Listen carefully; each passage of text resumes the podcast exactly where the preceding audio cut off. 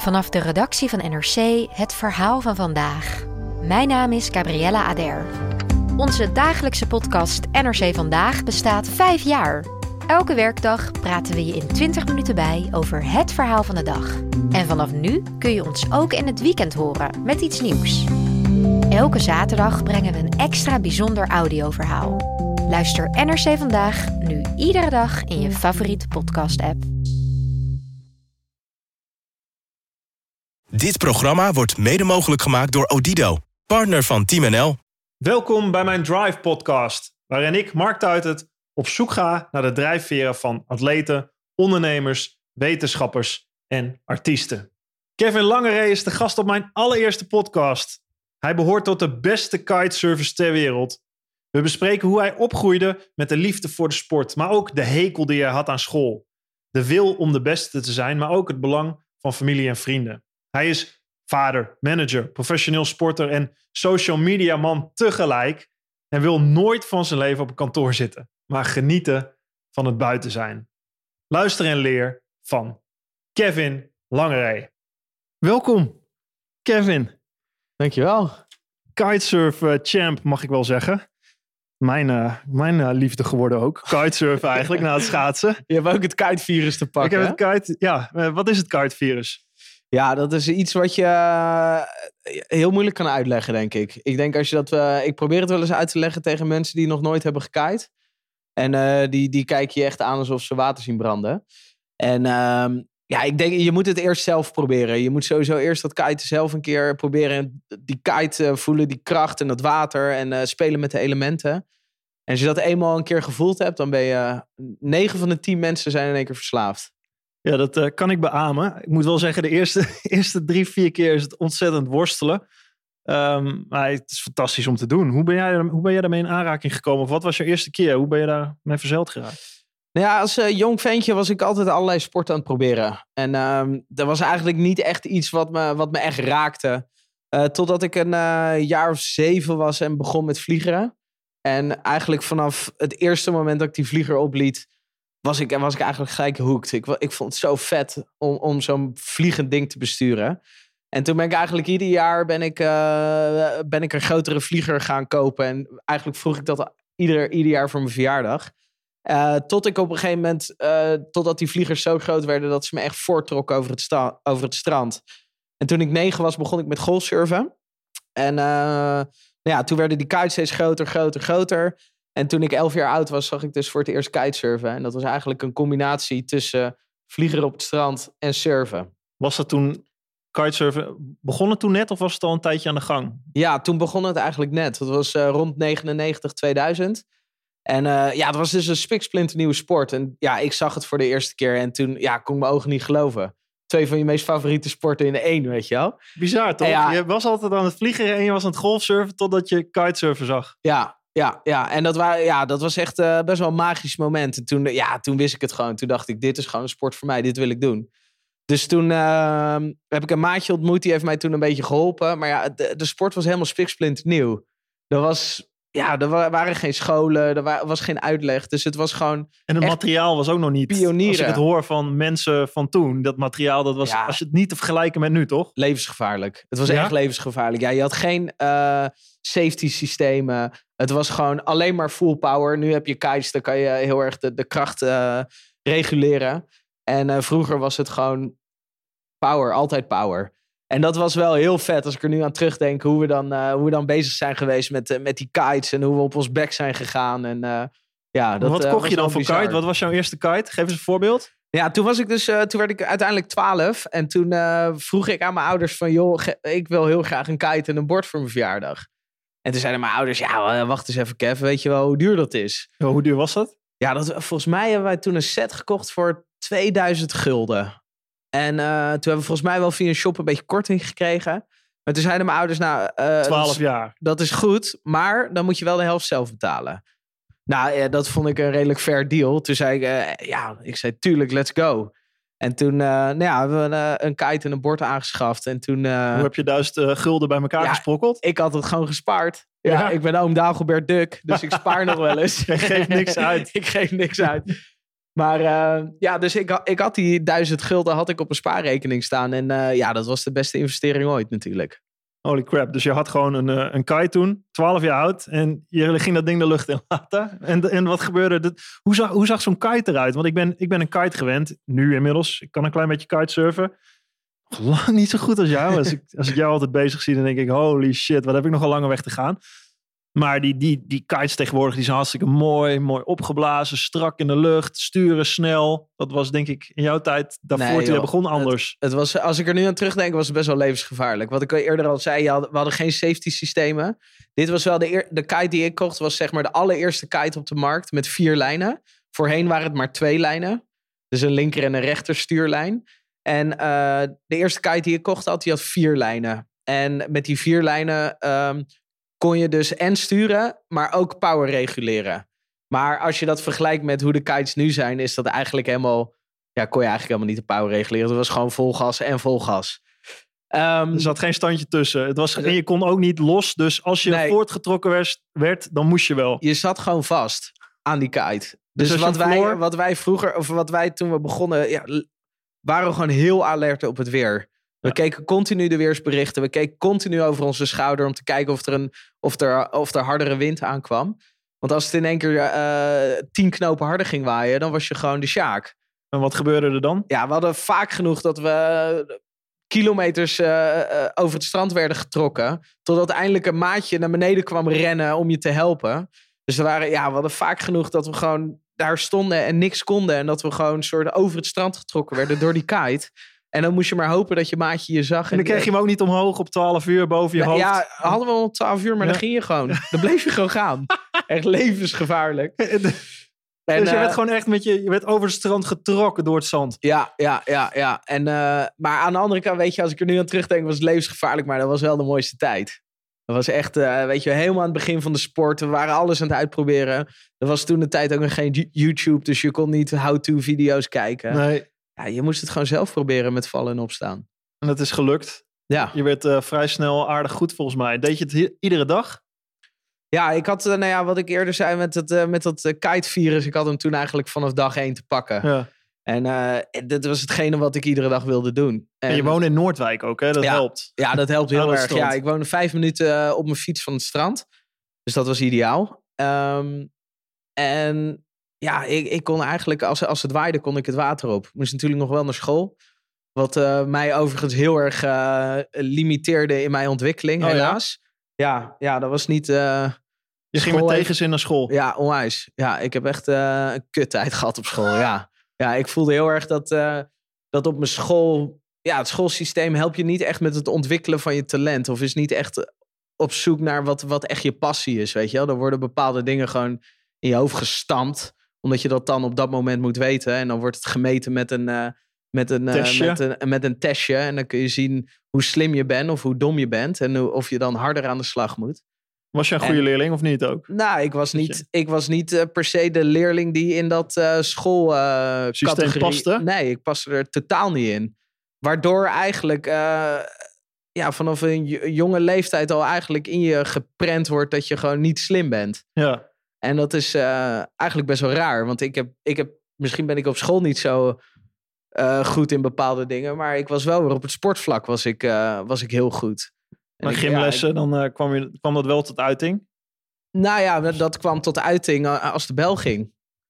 Dan rende je gewoon Dan rende ik dat, dat, dat, dat schoolplein af. En op dat moment voelde ik dat ik me kon ontwikkelen. En ik merkte heel erg dat ja, mijn school daar totaal niet in mee hielp. En dat is, uh, ja, dat vond ik best wel jammer als ik daar nu aan terug, uh, terugdenk. Ja? Ja. Want wat, wat als je daar aan terugdenkt, de, dacht, uh, denkt, hoe, hoe is je toekomstperspectief als, als jochie en je zit op school en het enige wat je wil is keihard weglopen?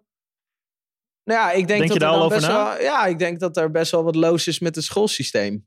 Ja. Misschien is dat nu wel wat veranderd in de, over de jaren heen.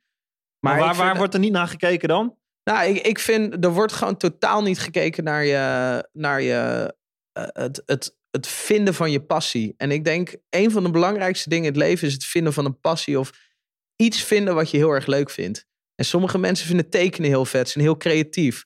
Sommige mensen zijn beter met, met cijfertjes en dingetjes. Sommige mensen zijn beter in sport. En ik denk dat we daar, als het schoolsysteem zich daar veel meer op kan richten, dan kun je veel meer mensen hun talent gaan Hmm. vinden. En als mensen hun talent weten, dan kunnen ze in de rest van hun leven hebben ze daar profijt van. Ja. Dan weten ze welke richting ze op moeten. Nu komen er genoeg mensen van school, weet je wel. Die zijn dan, eh, die hebben jaren gestudeerd, die zijn 25, 30.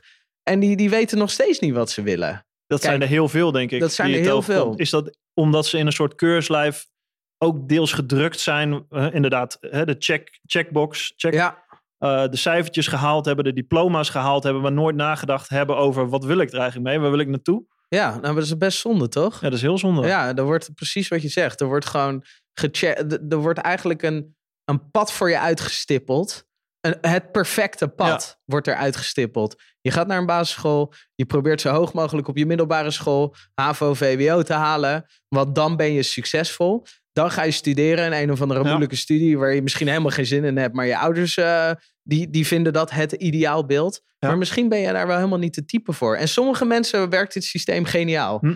Eh, maar ik denk voor bepaalde mensen remt het zich heel erg af in, eh, Ja, daar ben ik het wel mee eens. in, in, Is dat ook de in de druk? ontwikkeling. Is dat ook de druk van een omgeving? Hè? Je moet cijfertjes halen, je moet later zelf geld verdienen. Weet je, kies maar de veilige weg. Kies Ja. maar het pad wat al gebaand is. Hè? Ja. Dat is voor jou uitgestippeld. Doe dat nou maar gewoon. Ja. Had jij ook ouders dan- die zo dachten? Of? Nee, mijn ouders waren heel open-minded. En mijn ouders zagen ook wel heel snel op een vroege leeftijd dat ik niet het persoon was om, om dat uitgestippelde eh, pad te gaan lopen. En eh, ja, mijn ouders hebben mij 100% gesteund. Die hebben mij altijd eh, heel veel zelfvertrouwen gekregen, wat ik ja, dus niet onwijs op school kreeg. Maar Ja. dat, gelukkig kreeg ik dat vanaf thuis heel erg mee. En eh, mijn ouders hebben me ook altijd heel erg gesteund in, in, eh, eh, in mijn carrière. Heel belangrijk, denk Ja. ik. Had ik ook. Alleen, volgens mij is het heel belangrijk wat je zegt, inderdaad. Ehm, de passie vinden. Ik denk dat heel veel mensen er heel veel moeite mee hebben, omdat ze het ook niet aangeleerd hebben of niet durfden. Hè, ik had Ja. het met schaatsen, dat wilde ik achterna. En dat ging ik ook gewoon doen. Ja, jij had dat misschien nog wel eerder met kitesurfen. Eh, er is geen andere weg. Dit is jouw Nee, weg. ja, en dat, maar- is best wel, dat is best wel moeilijk om dat pad te volgen. Ja. Je hebt dan je ouders. Dat scheelt al enorm dat, Ja. die, dat die jou supporten. Eh, maar je wordt natuurlijk van allerlei kanten heel erg tegengewerkt. Of er misschien wel af, afgepraat. Ja, op school werd er gezegd tegen mij, Kev, dat ga je nooit redden. Weet je wel? En ik had ook mensen om me heen dat ik zei, ja, ik ga, ik ga professioneel kitesurfer worden. Ik ga naar Dat zei je. Ik meteen al. Ja, ik ga, dit, dit wil ik. En eh, ik heb genoeg mensen gehad die tegen mij zeiden van... Gas, ja, maar je moet wel studeren, want eh, dit en dit. Ah, die, die, die wil en drive was gewoon zo sterk dat ik heb er niet eens een halve seconde over nagedacht. Ik, het voelde gewoon zo goed. En ik, ja, en ik denk gewoon, als jij je passie achterna gaat, dan, dan word je ergens ook goed in. Ja. Want dan, eh, dan voelt het ook niet dat je er energie in hoeft te stoppen. Als je iets moet doen wat je niet zo Ja. leuk vindt, dan, dan, tuurlijk zijn er wel eens dingen die niet leuk zijn die je moet doen. Maar als je Maar- heel vaak, als je eh, grotendeels dingen doet die je niet leuk vindt, dan voelt het altijd als een soort blok aan je been. Ik ben het helemaal met je eens. En eh, als je iets doet wat je leuk vindt en waar je Mhm. passie in zit, dan maakt het niet uit als je Mhm. 80 uur per week erin moet stoppen. Want dan krijg je juist energie van. Maar even advocaat van de duivel zijn. ehm, en misschien, ik weet niet hoe jij dat voelt. Of, het is ook onzeker, weet je. Als je een diploma hebt en je komt ergens aan een baan, je, je verdient je geld. Ja. Eh, het is toch, je moet ergens van leven uiteindelijk. Je moet Ja. een toekomstperspectief hebben voor jezelf.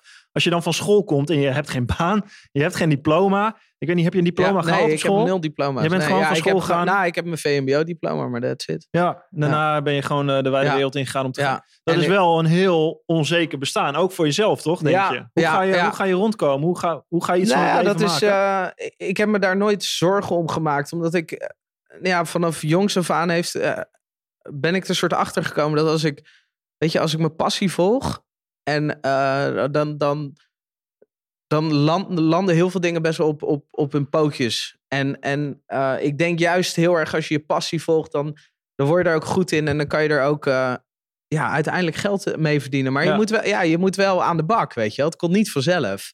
En je moet En- eh, echt weten, echt diep van binnen weten wat je passie is. En Ja. die weg ook helemaal doortrekken. Ja. Want volgens mij wat je zegt, als je passie wil en je wil er je werk van maken, dan heb je volgens mij maar één optie. Is En vol gas. Wat je doet, gewoon de allerbeste in worden, toch? Ja, ja 100 procent. Want dat zit wel in jou. Ja, het is niet zo, hey, ik ga lekker kitesurfen, Nee, gaaf, en ik, eh, ik rook een jointje, ik noem maar wat. Of ik ga lekker eh, naar de kroeg. Of, ik, ik zie het allemaal wel, als, het, als ik zin heb, dan ga ik. ja, nee. Jij, jij hebt de drive meteen al gehad. ja, Niet om je passie alleen te volgen, maar ook gewoon om, om heel goed te worden. ja. ja, ik denk dat, dat, dat, kijk, op sportgebied heeft dat heel erg in me gezeten, weet je wel. Ik uh, ben altijd een uh, competitief persoon geweest, al vanaf jongs af aan. En dat heeft me onwijs geholpen naar uh, waar ik nu ben gekomen. Dus daar ben ik wel, ja, wel heel erg blij mee. Wanneer kwam de, de omslag dat jij dacht van, hé, hey, hey, je wilde gaan kitesurfen, dat was je passie. Maar wanneer dacht je van, hé, hey, dit kan ook mijn leven worden. Dit kan ik, hier kan ik mijn toekomst van maken. Hier kan ik geld mee verdienen. Dit kan ik professioneel gaan doen. Um, ik dacht dat toen ik uh, rond de jaren 14 was. Dus toen ik, uh, toen ik 12 wow. was, 13 was, toen uh, was er een World Cup in, in Scheveningen. En um, daar waren zeg maar al mijn helden. Robbie Nash, Flash Austin, Max Bow. En die reisden heel de wereld over. En die, die, die deden wedstrijden en die surfden in Hawaii en zo. En die gasten hebben mij zo geïnspireerd. Toen dacht ik echt van, wauw, dit, weet je, dit wil ik ook. En toen um, ben ik dus wedstrijden gaan doen, omdat ik ook de wereld rond wilde gaan en, wed en naar Hawaii wilde gaan.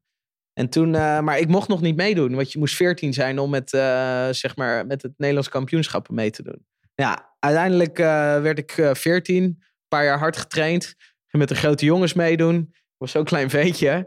En ja, op de Brouwersdam in 2003 werd ik voor het eerst Nederlands kampioen. En dat was wel echt heel erg tof. Dat was echt toen dacht ik in één keer, wow, wacht eens even. Dit, is, dit vind ik heel vet om te doen. En dat gevoel van winnen, dat is wel heel cool. Dat, dat wil ik vaker voelen. En toen het volgende jaar heb ik weer het NK gedaan. In 2004 werd ik weer Nederlands kampioen. En toen dacht ik van, ik wil het wel eens hogerop gaan zoeken. En toen ben ik op de World Cup beland. En toen, en, dacht je, toen stond je in één keer tussen de mannen als Robbie Nash, als... Ja, Wat ja. sprak je trouwens zo aan in die jongens? Wat mij aansprak in die... Ja, die, weet je, ieder veentje heeft wel een held. En uh, ja, uh, die, die gasten zoals Robbie Nash en Max Bo, dat waren mij helden, weet je wel. En, en toen was ik in één keer... Uh, maar je keek naar ze, je zag ze. Wat, wat zag je dan? Wat, ja, wat zag je? Wat je wordt je gewoon aan? geïnspireerd in wat ze doen, weet je. Het niveau waar, waar ze op kiten. En, en, um... nou, voor mijn beleving, wat, wat doen ze op dat moment? Wat, wat zie je, wat zij doen waarvan jij denkt...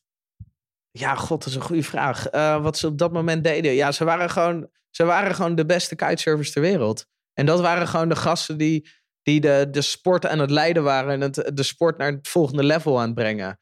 En dat, ja, dat inspireerde mij. Hm. Ja, ik had bijvoorbeeld Altner Sunder al. Die zag ik op een gegeven moment een keer schaatsen in Insel. Die maakte zulke brede klappen over het ijs. Met zo'n blik om te doden. En zoveel kracht zat erin dat ik dacht, wow, ja. dit wil ik ook. Ja. Zo wil ik ja, dat had ik met die gasten die allerlei trucs en spins en... Wat deden ze dan? Want jij, jij springt nu 30 meter hoog, of ja, moet? Ja, ze sprongen toen de tijd wel iets lager. Maar dat is wel, ja, dat is wel de fundering van, van, van, mijn, ja, van mijn carrière, zijn die gasten geweest. En, en de start van, uh, ja, van, uh, van, van, uh, van waar ik nu ben. En wat was toen je, wat was je grote droom, je grote doel? Had je een wedstrijd die je wilde winnen? Of, of ja, ik, ik ben altijd, uh, wat ik al eerder zei, een, een competitief aangelegd. Ja. Dus ik, als ik een wedstrijd deed, zoals het Nederlands kampioenschap, ging ik er alles aan doen om te winnen. En dan, weet je, ik deed wel eens tricks die ik nog nooit had gedaan. Die, die, die voor het eerst deed dan, op een die NK. ging ik dan voor het eerst op een NK doen. En daarmee ja, won ik dan het NK. Dus de, ja, ik heb altijd als er, als ik wedstrijden moet doen en er zit een beetje druk op me, dan, dan, dan presteer ik zeg maar beter. En uh, dat is heel fijn als je wedstrijden doet. Sommige mensen die, die kunnen de druk niet aan, die presteren ja. juist slechter. En ik, ik krijg er juist extra energie van. En uh, ja, dat, uh, dat heeft me ook heel erg geholpen naar, naar al de resultaten die ik in mijn carrière heb gehaald. Wat zijn je mooiste resultaten die je gehaald hebt? Ehm, wereldkampioen in 2009. En dan heb je het over wereldkampioen freestyle. Is freestyle, het dan, hè? ja. Wat, wat is dat precies? Dat is, er wordt zeg maar een vierkant uitgezet op het water met vier boeien. En dan ga jij uh, tegen iemand anders. En dan heb je zeven minuten de tijd door middel van. En dan moet je door middel van tricks. Moet jij de jury overtuigen. Dat jij beter bent als uh, die uh, gast waar tegen jij moet varen. En ja, dan doe je dus allerlei flips en spins en handle passes. Waarmee je dus de stuurstok waarmee je de kite bestuurt. Achter je rug langs doet. En, de zuurstok? Stuurstok. Dat is stuurstok. Ja, nee, zuurstok. Ja, we hebben altijd een zuurstok mee. En dan, uh, ja. ja. dan moet je dus de jury overtuigen dat jij beter bent dan, uh, dan die anderen. En dat lukte jou? En dat, nou, dat lukte, ja. dat lukte niet zomaar hoor. Want ik werd eerst drie keer achter elkaar tweede. Dus dat was, dat was heel zuur. Ik zat iedere keer zo dicht bij die eerste. En ja, dat was eh, tegen Aaron Hedlow. Die komt uit, eh, die komt uit Engeland. En eh, ja, wij hadden iedere keer strijd tegen elkaar, weet je. Mhm. Dan won hij een evenement, dan won ik een evenement. Dan won hij twee evenementen achter elkaar. En dan stond hij weer wat voor. En dan won ik weer twee evenementen achter elkaar. Stond ik weer een beetje voor. En ja, drie jaar achter elkaar werd ik dus tweede. Maar uiteindelijk in 2009 wist ik dus ja, voor de eerste wereldkampioen te worden. En dat was wel echt heel erg vet. Ja, is dan Ja. het grote doel bereikt eigenlijk? Ja, eigenlijk wel. Dat was wel, eh, ja, na het NK winnen was dat was wereldkampioen mijn volgende doel. En die was toen op een gegeven moment bereikt. En hoe werk je naar En- zo'n wereldkampioenschap toe? Is dat jaar in jaar uit? pro- neem even mee in je professionele leven. Ehm, is dat alleen maar kitesurfen op het strand? eh, in Noord, dat is de hele wereld rondreizen. Een circuit volgen. Ja, Beter willen worden. Hoe, hoe verbeter je? Hoe wil jij beter worden als kitesurfer? Hoe werk je naar zo'n WK toe? Heb je video's? Heb je trainers? Heb je mensen die meekijken? Heb je schema's? ja, nee, wij hebben dus helemaal niks. Geen schema's, geen trainers, niks. Je moet alles zelf doen. Ja, en dat is eh, best wel, ja, dat komt ook een beetje omdat kiten een nieuwe sport is. Het is een niche sport. Eh, het wordt overigens, eh, is nog steeds heel erg aan het groeien. Maar ja, we hadden geen steun van een bond. We hadden geen eh, financiële mogelijkheden om een trainer een heel jaar in te huren en met je mee de wereld rond te, rond te reizen. Daar hadden we gewoon niet de financiële middelen voor. Dus eh, eh, ja, uiteindelijk kwam, komt gewoon heel veel kwam er op mezelf aan. Weet je wel? Hoe ga ik trainen? Hoe hou ik mezelf gemotiveerd? Eigenlijk het hele pakket. Ik regelde mijn eigen vliegtickets, mijn eigen hotels. Ja, ik ben gewoon mijn eigen bedrijf aan het runnen. En dan probeer ik ook nog resultaten te, te behalen. En dat was eh, heel vaak heel, eh, ja, heel lastig. Ik heb wel echt. Ja, er was ook niemand die je kon vertellen, joh, je moet het zo en zo doen, weet je, omdat Ja. het een spiksplinternieuwe sport is. We moesten het allemaal maar zelf uitvogelen. En eh, ja, ik heb heel veel momenten gehad dat ik echt dacht, fuck, hoe moet ik dit nou weer oplossen? Ik wou net zeggen, heb Weet je niet het moment gehad dat je dacht, wat, hoe, hoe ga ik dit voor elkaar Ja, krijgen? nou, ik had op een gegeven moment een moment dat, weet je wel, wat, zoveel, ik had op een gegeven moment, was ik zoveel op pad, dat ik gewoon eh, op een gegeven moment wakker werd, dat ik gewoon niet meer wist waar, in welk land ik nou ook weer zat, weet je wel. En je zit dan in die World Tour modus en dan ga je van hot naar her en er zit stress bij je en je moet presteren en iedere keer die druk op je. En ik had op een gegeven moment wel dat ik dacht van, jezus, dit is wel even, eh, dit is wel heel heftig, weet je. Allerlei mensen trekken aan me. presteren. En dat moeten presteren. En ik, eh, ja, ik weet niet hoe ik daarmee om moet gaan. En toen heb ik uiteindelijk ook wel proberen een mental coach te zoeken om mij een beetje te begeleiden. Uiteindelijk heb ik niet echt iemand goed gevonden Nee? die, eh, die Want mij wat- wat- daarbij kon helpen. Want wat, wat waren de dingen die, eh, die op jouw eh, schouders rusten dan, waar je moeilijk mee om kunnen? Heb je een voorbeeld ervan? Nou, ik was op een gegeven moment gewoon heel erg zoveel op pad en zoveel van huis weg, dat dat gewoon. Ja, ik, ik miste het gewoon wel een beetje, weet je wel. En ik miste gewoon de maten om me heen waar ik gewoon, weet je wel, slap, mee slap kon ouwe hoeren. Gewoon hele kleine dingen. En eh, gelukkig kwam ik daar op een gegeven moment achter dat ik, dat ik wist van, hé, hey, wacht eens even. Als ik mensen, als ik maten om me heen heb, dan, eh, Gaat het beter? dan gaat het beter. Gewoon Dus een vaste basis ja, eigenlijk. dus op, ja, eigenlijk wel een vaste basis mee op reis. Dus op een gegeven moment eh, heb ik gewoon maten gevraagd van... joh, wil je met me mee? Wil je me helpen? En dan ja, had ik wel de financiële middelen om hun tickets te betalen. En ja, dan gingen gewoon maten met me mee. En toen merkte ik heel erg van... hé, hey, wacht eens even, dit is relaxed, weet je wel. Ik ben nu in een hotel, ik kan lekker slap Nederlandse ouwe hoeren. Eh, als het even niet mee zit, dan kan, je even, dan kan ik even mijn ei kwijt bij die maat van mij. Grappig dat dat nog En- het belangrijkste is eigenlijk. Hè? Je Ja. denkt aan coaching, je denkt aan techniek, maar je bent natuurlijk ook gewoon een mens. Je moet Ja. gewoon even toe ontluchten en even Ja. niet in je eentje op een hotelkamer zitten en jezelf helemaal gek maken Ja, waarschijnlijk. ja, ja, ja precies, nou, precies dat. En, en dat heeft mij onwijs geholpen. En eh, dat was een beetje rond eh, ja, 2009, 2010. Toen had ik op een gegeven moment in 2010 een hele heftige blessure. Scheurde mijn voorste kruisband af. Dat was vlak na het WK, toch? Ja, ja, na het WK. En toen het volgende seizoen, halverwege, toen eh, ja, stond ik nog steeds op een eerste plek. En toen eh, Hoe gebeurde dat? landde ik op de achterkant van een golf in Fuerteventura tijdens de finale. En toen klapte zo mijn kniedubbel. En toen ging ik in één keer van eh, hero naar absolutely zero. Oh, van alles naar niks. Jezus, ja, dat Ja? was wel even heftig hoor. Ja man. Dan stort je, dan stort je hele wereld wel even in. Ja, Neem ons even mee in dat moment. Hoe, voel- ik heb het Nou. godzijdank nog niet meegemaakt. Ja, dat is... ik heb eh, zware blessures gehad over het schaatsen. Maar neem ons even mee in dat Ja. moment als, je, nou, als dat eh, misgaat op die kite. Weet je, je zit eh 2009 word je wereldkampioen. Het hele seizoen gaat echt vlekkeloos. Je zit helemaal in je element.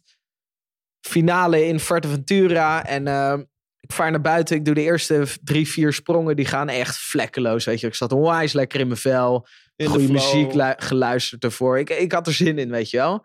En soms weet je het van tevoren al van... Ik, ga dit, ik ga dit gewoon winnen, weet je wel. Gaat niemand komt, ik, niemand gaat mij stoppen. Ja, dit is mijn- Nou, Lekker dat, is dat, dat is zo'n heerlijk Oh. gevoel. En dat, dat had ik dus ook. En eh, nou, ik ging voor mijn vijfde sprong. En ik ging een sprong doen die ik al eh, echt ja, een miljoen keer had gedaan. Die ik met mijn ogen dicht kon. Ik doe een achterwaartse rotatie. Ik pak die eh, bar achter mijn rug langs. Ik spot mijn landing. Ik denk, ja, dat is perfect. En ik land. En ja, eigenlijk heel suf. Ik voel zo klonk, zo mijn knie uit de kom gaan. En toen Oh. viel ik dus en toen lag ik onder water. Toen dacht ik, oeh, dat, dat is niet goed. En toen dacht ik, ja, fuck it, gast, eh, het zal wel meevallen. Je gaat gewoon even die wedstrijd winnen, weet je wel. En toen kwam ik boven water en toen keek ik naar mijn knie. En toen zag ik dat er onwijs een bobbel op mijn knie zat. En dat mijn knie dus uit de kom was. En daar schrok ik heel erg van. Toen heb ik mijn been heen en weer geschud. En toen gelukkig schoot die soort weer in zijn eh, zijn normale positie. Ja, en vanaf dat moment dacht, wist ik eigenlijk al van, dit is, dit is niet goed. Dit is eh foute boel. Ja, En toen... eh, dus je ging bodydragen terug naar het strand. nou, toen heb ik, eh, gelukkig hebben we allemaal safety mensen op het strand staan met Mm. jetskis en zo. En eh, toen ging mijn kite neer, heb ik mijn kite losgegooid, mijn knie vastgepakt, gezwaaid. Toen om een teken te geven aan die safety gast. Toen werd ik eruit gehaald. Ja, en toen op de brancard naar de eerste hulp. Ja, en toen ik op die eerste hulp bed lag, toen, ja, toen brak ik uit in tranen. Dan gaat... Waarom dan? Weet je, Wat was het grootste... al die jaren van energie, weet je wel, trainen, op je bek gaan, tweede worden, wedstrijd niet goed, uren erin steken, stort dan in één keer helemaal in. Je was eindelijk waar je wilde zijn al die jaren. Ja, en dan, en dan wordt dat in één keer, ja, is dat gewoon in één keer weg. En eh, ja, dat was best wel heftig. En toen eh, ja, heb ik dus even een potje hard staan janken. En toen eh, al redelijk snel daarna, toen dacht ik, ja, wacht even, ik kan of door blijven janken, of ik kan denken, fuck it, het is zo, maak er het beste van. En we gaan de beste hulp zoeken. En we gaan gewoon, mijn volgende doel is gewoon om weer terug op het water te komen. Nou, dat heb ik ook gedaan. Ik heb me gewoon volledig de- me daarbij neergelegd. En gewoon ja, mijn oog op mijn doel gezet. En dat was eh, zo snel mogelijk revalideren. Was dat de volgende eh, dag echt? Dat je de volgende dag wakker werd en dacht, oké, nou, dat was eigenlijk al op de weg naar het ziekenhuis. Ja joh, zo Ja. snel. Ja, dat ik dacht, fuck it, we Kun moeten... je zo ja. snel een knop omzetten van Ja, ik wist wereld niet... dat- instorten naar... ja, verder? Dat ging, ja, dat ging, redelijk, eh, dat ging redelijk snel. Maar dat kwam ook wel een beetje omdat ik ook de juiste mensen daar om me heen had. Ik had daar ook een goede maat, die was daar. En eh, twee eigenlijk. En dat, eh, ja, dat hielp wel heel erg. Die waren, die waren erbij en eh, we zaten al redelijk snel te geinen. En dan denk je eigenlijk van, oké, ja, fuck, het is heel kut. Maar ja, ik kan eh, beter zo kort mogelijk in zo'n neerwaartse Ja. spiraal blijven Ja. zitten. En hoe kwam je weer terug? Toen kwam ik eh, redelijk goed terug. Ja, hoe lang deed dat? Hoe, hoe lang Acht, acht maanden revalidatie. Jee. Ja, bijna een jaar heeft het toch wel geduurd En wat hoor. deed je dan? Krachttraining? Eh, eh, Ja, eerst de operatie en dan, eh, pff, ja, de, de eerste revalidatie was gewoon met je knie op een machine en die ging dan een paar graden omhoog en naar beneden. En toen stapje bij stapje, ja, krachttraining, veel squatten. En toen rustig weer beginnen met kiten na acht maanden. En eh, ja, toen weer terug op niveau gekomen. Toen uiteindelijk nog steeds eh, vierde overal geworden. En toen eh, merkte ik toch wel een beetje dat ik de motivatie in het eh, onderdeel freestyle een beetje kwijtraakte. En eh, dat, ik, eh, dat het misschien tijd was om een keer een andere move te maken. Waarom? Nou, ik had het zo, ik had het meer dan twaalf jaar lang gedaan, hè? Dus twaalf jaar lang rond de wereld. Op een gegeven moment was ik twaalf keer naar dezelfde spot geweest. Ja, op een gegeven moment. Ja, Ja. je weet het waarschijnlijk Ja, als geen ander. ja. Eh, als Je, je, kent de ijsbaan. Sommige ijsbanen ken ik van binnen, van buiten. van- Ja, weet je. En nou ja, op een zit gegeven niet moment. meer de, de uitdaging zit er niet meer in. Nee. In dat vlak. En op een gegeven moment dacht ik, ja, fuck, dit is het. Weet je, ik, ik heb een nieuwe uitdaging nodig. Het is eigenlijk een beetje dat als je je, je favoriete eten iedere dag zou eten, dan is het op een gegeven moment ook niet meer lekker. Dus je moet daar een beetje een balans in vinden. En eh, ja, op dat punt zat ik een beetje. En toen dacht ik, ja, wat vind ik nou echt vet in het kiten? Waar ligt nou echt weer mijn passie? Dat, ik had het gevoel dat ik een beetje kwijt was geraakt, omdat ik het gewoon te veel had gedaan. En toen dacht ik, eh, ja, ik vind vliegen vind ik, eh, te gek. En ik, ik vind big air, zo hoog mogelijk springen, vind ik eigenlijk het allervetste wat er is. Ja, en toen ben ik me wat meer gaan focussen echt op de big air. En toen was er Dat is gewoon gelukkig... echt zo hoog mogelijk komen als je kan. Ja, ja, zo hoog Meters mogelijk en op zo'n, eh, ja, precies meters maken. Er wordt bijgehouden, toch? In apps en in... eh, ja, ja, ja, ja, je hebt allerlei ik hoogtemeters. zie het af en toe, ja. eh, Dan zie je die... Ja, dat is echt, echt heel vet. En ehm, ja, dus ik wilde wat meer een, eh, ja, wat, wat nieuws, een nieuwe uitdaging. En ehm, toen ben ik me gaan focussen op de Big Air. En toen was er tegelijkertijd ook een eh, eh, Red Bull King of the Air in, in Zuid-Afrika. Dat was weer, eh, dat was in 2013 voor de eerste keer gehouden. En dat was zeg maar het evenement waar ze wachten twee weken lang op de allerhardste wind in Zuid-Afrika, Kaapstad. Daar waait het namelijk altijd heel hard.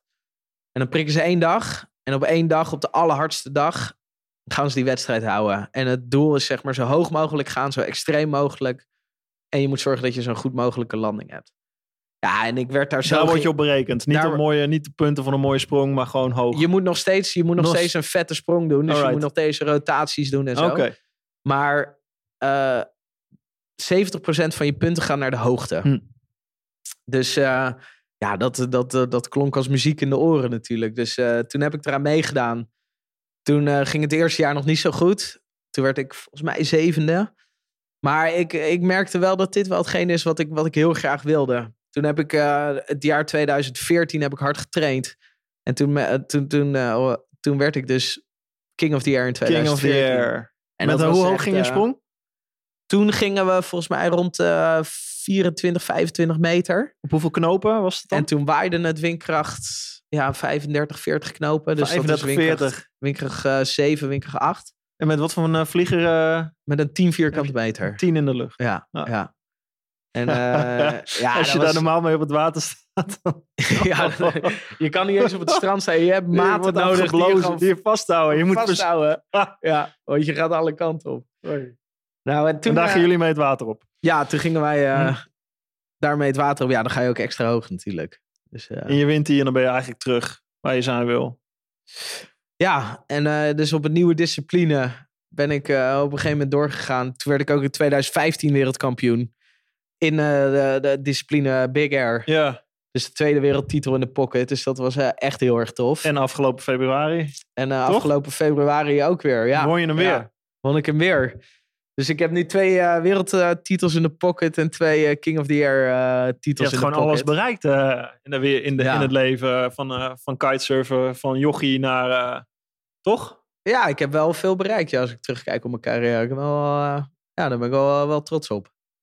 En dat heb je ook gewoon allemaal gecheft door het allemaal zelf te regelen en zelf te financieren. Ja, Hoe heb je dat gefixt? ja met behulp van sponsoren eh, heb ik dat kunnen, kunnen fixen. Want het is geen televisiesport, hè? Ik doe de. Olympische Spelen. Ik zie windsurfers, Dorian van Rijssenbergen eh, natuurlijk als mooi voorbeeld. Overigens vind ik niet dat het altijd heel goed in beeld wordt gebracht. Maar, maar die hebben sponsoren, die hebben een bond. Het Watersportverbond, die hebben een sponsor, Delta Lloyd. Eh, Ja. Dat is voor jullie, ah, dat gaat heel anders. Ja, bij ons gaat het heel anders. We hebben, geen, we hebben wel een bond, maar die helpt ons 0,0. Hm. Eh, dus je bent echt out on your own. Dus je bent je eigenlijk je eigen ondernemer en ja, je moet het voor jezelf regelen. En hoe, werkt het En- dan? Je bent goed in je talentvol, er komen sponsoren naar je toe? Je Ja, uiteindelijk kwamen sponsoren. Dus in het begin kwam toen ik 12 jaar oud was en een, een demonstratie deed op het strand van Scheveningen in 2001. Toen kwam O'Neill naar me toe. En die, eh, die vonden het heel erg tof wat ik deed. En die boden mij een sponsorcontract aan. En tegelijkertijd deed Nash, eh, het kitemerk, eh, die deed mij ook een bod. Dus toen had ik in één keer, ja... Voor 12 gear jaar en, dacht je- En, en wetsuits, weet je wel. Dus, en kleding. En ze Boden ze hielp- toen ook al geld aan? ja, ze boden me ook een financieel support aan om, om mezelf verder te ontwikkelen. En eh, ja, daar ben ik super dankbaar eh, voor natuurlijk. Via, zonder die... Het zijn eh, nog steeds jouw sponsoren, toch? ja, ik ben nu ja, 17 jaar word ik al gesponsord door. National O'Neill. Ja, ja.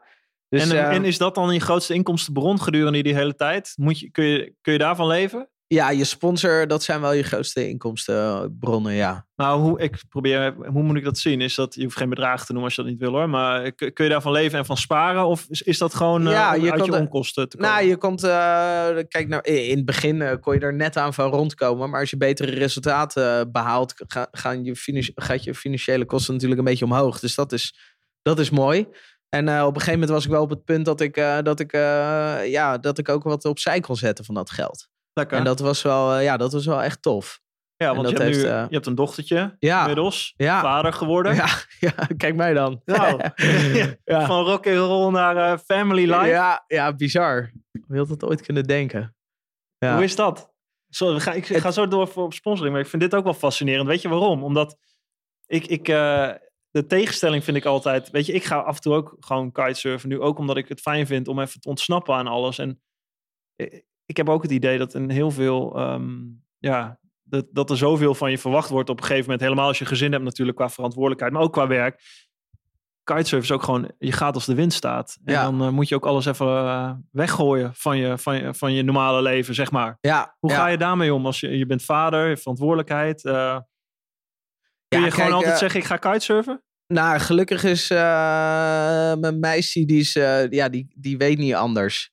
Weet je wel? En het is, eh, soms is het ook wel heel lastig. Hè? Soms, eh, gelukkig begrijpt mijn, eh, mijn meisje heel erg goed hoe, hoe de situatie is. En dat als het waait, dan, ja, dan moet ik trainen of dan moet ik content maken. Of, ik, of er zijn andere dingen die ik moet doen. Dus het zijn nooit vaste tijden die ik werk. En het zijn ook Jullie nooit leven vaste wordt tijden. echt gestuurd door de wind. Ja, eigenlijk wel, ja. ja. En dat is, ik merk nu wel sinds, die, sinds mijn dochtertje er is, dat je wel iets meer moet plannen. Dus eh, ja, Ja. Voorheen... houden geen rekening met wind. Nee, nee, nee. Voorheen ja, plande ik eigenlijk... Ja, de wind was mijn agenda. Ja. En eh, als het waaide, dan was ik druk. En als het niet waaide, dan had ik eh, tijd om, om, om dingen te regelen. Zoals tickets naar wedstrijden te boeken. En, en, en zorgen dat alles, dat mijn content op orde was. En dat mijn sponsors happy zijn. En nu is daar dus een hele grote taak nog bij. Dus sommige dagen zijn wel echt heel druk. Maar dat is ook wel weer eh, heel erg leuk. Goeie vrouw. Ja, zeker weten. werk. Ja, 100 procent. Mooi. En je zegt content maken, eh, sponsors te happy houden. Ehm, ja, ik kom uit een traditionele sport, tv-sport, schaatsen. Ehm daar is dat nog wel eens een eh, ondergeschoven kindje, vind ik. Eh, jij, jij hebt, volgens mij ben je op een gegeven moment ben je niet meer zozeer wedstrijden gaan varen. Maar heb je het iets anders ingericht, toch? Ja, hadden op een gegeven moment dat eh, de, de, de kitesurfbonden een beetje tegen elkaar aan het vechten waren. Waardoor het, eh, de, de kitesurfwedstrijden allemaal een beetje instortten. En ehm, dat gebeurde eigenlijk een beetje tegelijkertijd dat ik eh, wat meer de moti- of eigenlijk een beetje de motivatie in het freestyle verloor. En zoveel wedstrijden had gedaan dat ik dacht van misschien moet ik een, een beetje een andere kant op. En ehm, ja, tegelijkertijd was dat Instagram, dat Facebook, YouTube is allemaal, was toen allemaal een beetje aan het opkomen. Ja, we hebben het, het is dit 2010, 2011 zo'n beetje. Ja, ongeveer, ja, Ja. ongeveer. En toen merkte ik heel erg van, hé, hey, wacht eens even, dit, zijn, dit, is, dit is best wel interessant. Ja, Want we kunnen nu gewoon, nu kan ik mijn eigen publiek creëren en kan ik mijn eigen mensen op de hoogte houden met wat ik doe. En ik ben niet meer afhankelijk van magazines die stukjes schrijven of televisies die dingen uitzenden. En nu, ehm, want jij werd wereldkampioen en dat, stond, dat was echt geen tv-ploeg daar toen, toch? nee. Je Nee. werd, ook- werd ook niet uitgenodigd bij een programma s'avonds. Nee, nee, nee, nee. Dan word je wereldkampioen en denk je, nou, is dit het nou, weet je wel? van de gemeente toen je thuis kwam. ja, Zoiets. ja, precies. Ja, we hadden uiteindelijk wel, eh, wel wat meer ge- geregeld. Maar weet je wel, het is, het is, af en toe is dat best wel frustrerend als je dan andere sporters ziet. Dan worden, Ja. eh, worden een tennisser eh 50 op de wereldranglijst en die krijgt al, deze, al die media-aandacht. Maar op een gegeven moment heb ik er een beetje bij neergelegd. Ik begrijp het ook. En, en nu hebben we gewoon hele mooie tools om gewoon zelf content te maken. Weet je, ik reis over heel de wereld. De camera's zijn zo klein geworden. Eh, je kan ja, zelf editen, zelf je dingen in elkaar draaien. En je kan gewoon zelf je content maken. En daardoor ehm, kan je zelf een publiek creëren voor jezelf, waardoor je weer wat meer waardevol wordt voor, voor sponsoren. Ja, En sponsoren daar- willen gewoon bereik, natuurlijk. Precies, precies. Die willen hun merk associëren met, met, met een sporter en de image die ik bij me draag. En als ik eh, een, een, een groot publiek heb waarmee ik eh, mijn image kan laten zien en, en kan laten zien van hey, eh, een Young Capital, Hm. die, die hangt zich aan mij en die, die voelt zich verbonden met wat ik doe Ja. om mensen te inspireren. Ja, dan is dat natuurlijk heel interessant. En je hebt je eigen boodschap onder controle. Ik- Ik, Precies. volg jou natuurlijk. Hè. Je bent gewoon een sportheld en helemaal dicht bij mij als kitesurfer. Wat ik nu, wat ik sinds twee jaar heb opgepakt en eh, dat ook eh, heel erg nauwgezet volg. ik vind dat jij dat ook heel mooi doet. Ook eh, met, je, met je vlogs. en, en het levert natuurlijk ook vette content op. Als Ja. je een GoPro hebt en je zweeft daar 20, 30 meter in Ja, de lucht. ja. En je kijkt naar beneden en denk je, holy shit. Ja, Dat is gewoon vet. En dat vind ik ook wel het mooie aan jullie, aan jullie sport. En aan jou. Ik denk dat het soms misschien wel een voordeel kan zijn dat je niet altijd op tv komt. Want er zijn heel veel tv-sporten die, eh waarin de sporters helemaal niet gewend zijn om dit te laten zien. Ja. Jij moet wel een inkijkje geven. Ook wel om- omdat je het denk ik misschien zelf leuk vindt. Maar jij moet het ook deels, heb je het zelf moeten ontdekken om als tool te gebruiken. Om Ja. überhaupt je sport te kunnen doen. 100 procent. 100% ja. Nee, en eh, weet je, ik heb ook een beetje voor mezelf besloten. Ik wil, eh, ik wil eigenlijk nooit op een kantoor gaan werken. dus dat is een extra, extra goede motivatie, weet je wel. En, Ja. en wat ik ook het mooie vind is, is eh, met die content creëren. Ik vind het ten eerste onwijs leuk om te doen. Ehm, en als ik andere mensen kan inspireren en andere jonge ventjes kan inspireren om ook zo'n carrière eh, te- gaan volgen. Weet je wel, wat een Robbie Nash en een Max Bone en Flash Wilson toen bij mij hebben gedaan als Ja. 12-jarig ventje. Al kan ik er maar eentje zo gemotiveerd krijgen om, om zo'nzelfde pad te kiezen. Ja, dan is dat natuurlijk, dan is alles al dubbel en dwars waard. Ja. Nou, je hebt mij eh, deels gemotiveerd om eh, te gaan kitesurfen. Dus Nou, eh, eentje heb je er hier. ik, ik ga niet de Robbie Nash of jou achterna, dat weet ik ook. Maar ik vind het gewoon... eh, ik, ik vind het mooie eraan dat je... Jij doet het met, met passie, waar je ook mee begon eh, in dit interview, in het verhaal. Eh, en dat straal je uit. En ik denk als je dat zo uitstraalt, en dat doe je op je eigen manier, dat, Ja, dat is waar mensen op aanhaken. Ja. Hè? Wij hebben, ik heb First Energy Gun met een merk. Als je kijkt naar sporters, wie, wat past nou? Wat is? Het is volgens mij, dat is ook YouTube, dat is ook social media. Als het echt is en je passie is echt en dat kun je overbrengen, ja, dan is het, oh, dan hoef je niet eens heel groot te zijn, nee. maar je raakt wel mensen. Ja, ja en dat is, dat is heel leuk, weet je. En ook eh, wat ik. eh, ja, met dat, met dat social media. Je, krijg, je hebt ook een, een direct con- contact bijna met, met de mensen die je volgen. Mhm. Weet je, je krijgt reacties en. Reageer je eh, overal op? Eh, eigenlijk niet heel veel, moet ik zeggen. Want eh, soms krijg ik best wel wat reacties. Ja, zoals? Dag- zijn de leukste? Dagtaak, weet je wel. Maar wat de leukste reacties vind ik altijd om te horen dat ik. ja, mensen, mensen inspireer. Ik had op een gegeven moment een, een, een gozer die kwam naar, naar me toe. En eh, ik had, eh, vorig jaar had ik mijn enkel gebroken. En toen zat ik met mijn poot in het gips en was ik een workout aan het doen. Daar had ik een vlog over gemaakt. En eh, die gast die zat thuis ook met een, met een blessure. En die was een beetje down. En die dacht, ja, shit jongen, dit is kut. Ik heb last van mijn blessure, bla bla bla bla. En toen kwam mijn filmpje voorbij. Toen heeft hij dat gekeken. En daar werd hij, hij zei dat hij daar zo geïnspireerd door werd. Heeft halverwege heeft hij het uitgezet. Is hij naar de sportschool gereden. Heeft hij daar kaart geknald. En was die, kreeg hij ja, heel veel energie van het filmpje. Ja, en dat is uh, onwijs cool om te horen natuurlijk. Zulke soort dingen. Ja, heel cool. Ja, Ja, ja ik herken het. Ik vertel mijn verhaal ook aan, eh, aan, aan, aan presentaties, eh, aan, groepen mensen. En ik merk altijd hoe, hoe dichter je het bij jezelf houdt als je echt je ervaringen vertelt en hoe je daar overheen gekomen bent. Want het is ook een voorbeeld, weet je, net wat je zegt. Jij zet de knop om en dat zit in je. En daarom, ben je, Ja. daarom heb jij denk ik ook de top gehaald en sta je aan de top, omdat je dat kan. Omdat Ja. je die, die, die, die schakel kan maken van het is helemaal kut, ja, uitzichtloos, maar de knop gaat om en je Ja. gaat gewoon aan het werk. ja. Just Ja, je moet het doen, weet je wel. Je moet het doen. Ja, je kan, eh, je kan er heel moeilijk over nadenken en twijfelen. Maar ja, daar schiet je ook niks mee op, Nee. weet je wel. Je moet gewoon of dit doen of dat. En eh, ja, je moet het gewoon doen. En ik denk dat heel veel mensen, eh, die, die zijn ook bang om de, sommige dingen gewoon echt te doen. Hm. Die doen het een beetje twijfelachtig. En die denken, ja, maar je moet, sommige dingen moet je gewoon doen. Dat is een beetje aan de ene kant veiligheid, hè? baan, eh, studie. Ja. En jij zegt eh, aan de andere kant vrijheid. Wat mij ook heel erg aanspreekt aan kitesurfen. En wat mij ook aanspreekt aan jou, wat je net zegt. Ik, ik maak hier wel eens de grap. Ehm, ik wil niet op een kantoor zitten. We hebben hier een kantoor. We zitten hier in de gym beneden op het kantoor. We hebben niet voor niks een gym hier Ja, ja. Ik kan gewoon lekker trainen. ik ga naar kantoor. Ik ga lekker trainen. Ik wil gewoon eh, naar buiten het verhaal vertellen, sporten, de sport beleven en, en die energie eh, daaruit halen. En dat gebruiken ook, ook voor mijn bedrijf. Ehm, dus als jij zegt, eh, ik, ik, dat vond ik mooi aan jou. Toen jij dat, dat heb je al eerder tegen me gezegd nu weer. eh, ik wil niet op een kantoor zitten. Ja. Nooit. Ja.